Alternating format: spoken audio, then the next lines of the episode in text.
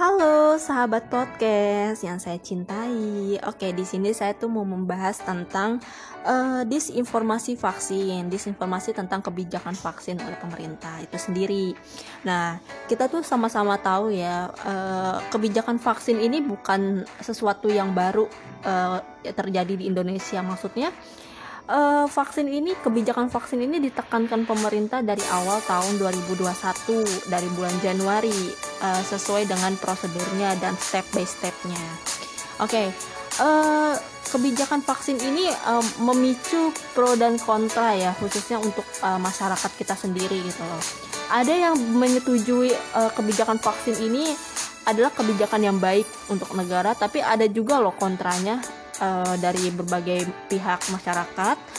Uh, yang salah yang yang berpikir bahwa vaksin ini akan membahayakan, berdampak buruk dan segala macam hingga memunculkan persepsi dan memunculkan uh, apa ya pemikiran bahwa asumsi pemikiran bahwa vaksin ini uh, sangat merugikan untuk dirinya sendiri. Padahal itu salah banget ya. Kalau gue pribadi menilai kebijakan vaksin yang yang dilakukan oleh pemerintah itu menurut gue itu cukup baik ya. Maksudnya setidaknya itu dapat uh, menangkal atau mencegah atau menghentikan COVID-19 ini gitu loh. Kan uh, kita tahu ya COVID-19 eh vaksin ini bertujuan untuk uh, antibody untuk tubuh kita sendiri loh. Jadi menurut gue ini kenapa jadi harus dipermasalahkan dan kenapa harus jadi momok yang menakutkan menakutkan bagi masyarakat gitu loh banyaknya nah disinformasi vaksin ini uh, memicu banyaknya berita hoax tentang vaksin itu sendiri jadi satu masyarakat atau uh, sekelompok masyarakat yang tidak mempercayai adanya vaksin ini akan berasumsi untuk menggiring opini masyarakat lain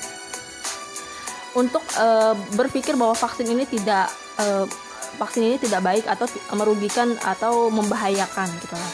Ini yang salah besar gitu loh. Sementara yang saya tahu keunggulan dari vaksin ini uh, yaitu memberikan proteksi yang sifatnya spesifik melalui antibodi. Jadi kalau kita divaksinasi, antibodi akan diproduksi dan inilah yang akan memberikan kekebalan tubuh bagi tubuh kita sendiri.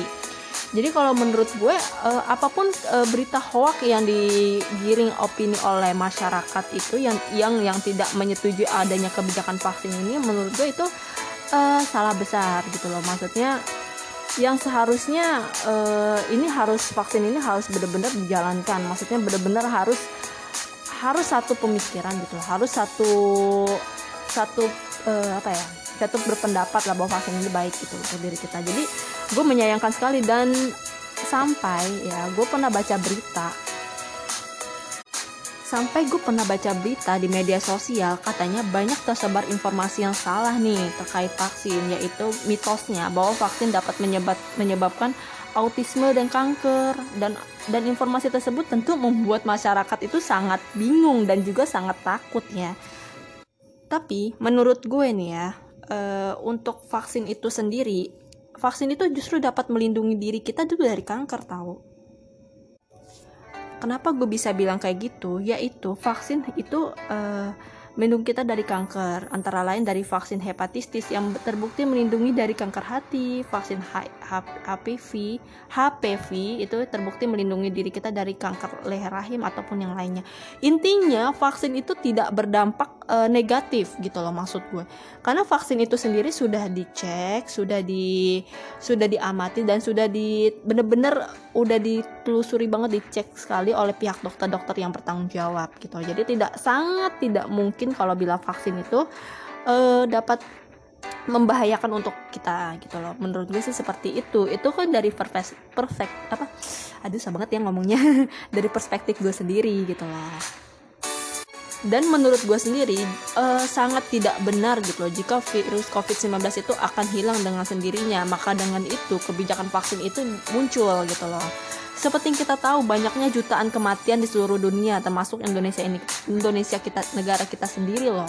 Dan kita tuh nggak mungkin bisa berdiam diri eh, sementara ekonomi kita terpukul dan bekerja, juga bekerja juga sangat sulit gitu loh. Maka dari ini pemerintah menekankan ayo kita wajib vaksin. Setidaknya kita itu dapat mencegah setidaknya kita tuh dapat menghentikan dapat apa ya dapat melindungi diri kita lah gitu loh. Kita tuh nggak usah berpikir bahwa vaksin itu bermacam-macam. Itu loh yang sebenarnya gue sangat sangat menyayangkan uh, pola pikir dari masyarakat yang tidak menyetujui vaksin ini sendiri loh.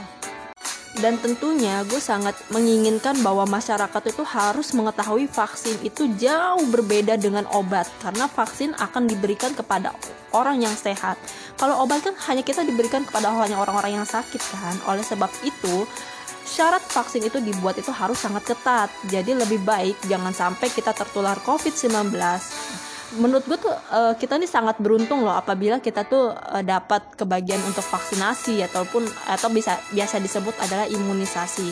Itu tuh jangan ditolak ataupun jangan di jangan diabaikan. Itu tuh seharusnya kita tuh harus bisa bersyukur karena kita harus mendapatkan COVID-19 terkait masalah berita hoax dan disinformasi tentang vaksin ini aduh tolonglah gitu. Kita tuh harus apa ya harus berpikir bahwa melihat dari sisi yang perspektif yang berbeda bahwa vaksin itu tidak selalu merugikan kita. Contoh deh, banyak orang yang dari vaksin ada kenapa-napa enggak, tidak kenapa-napa juga kan.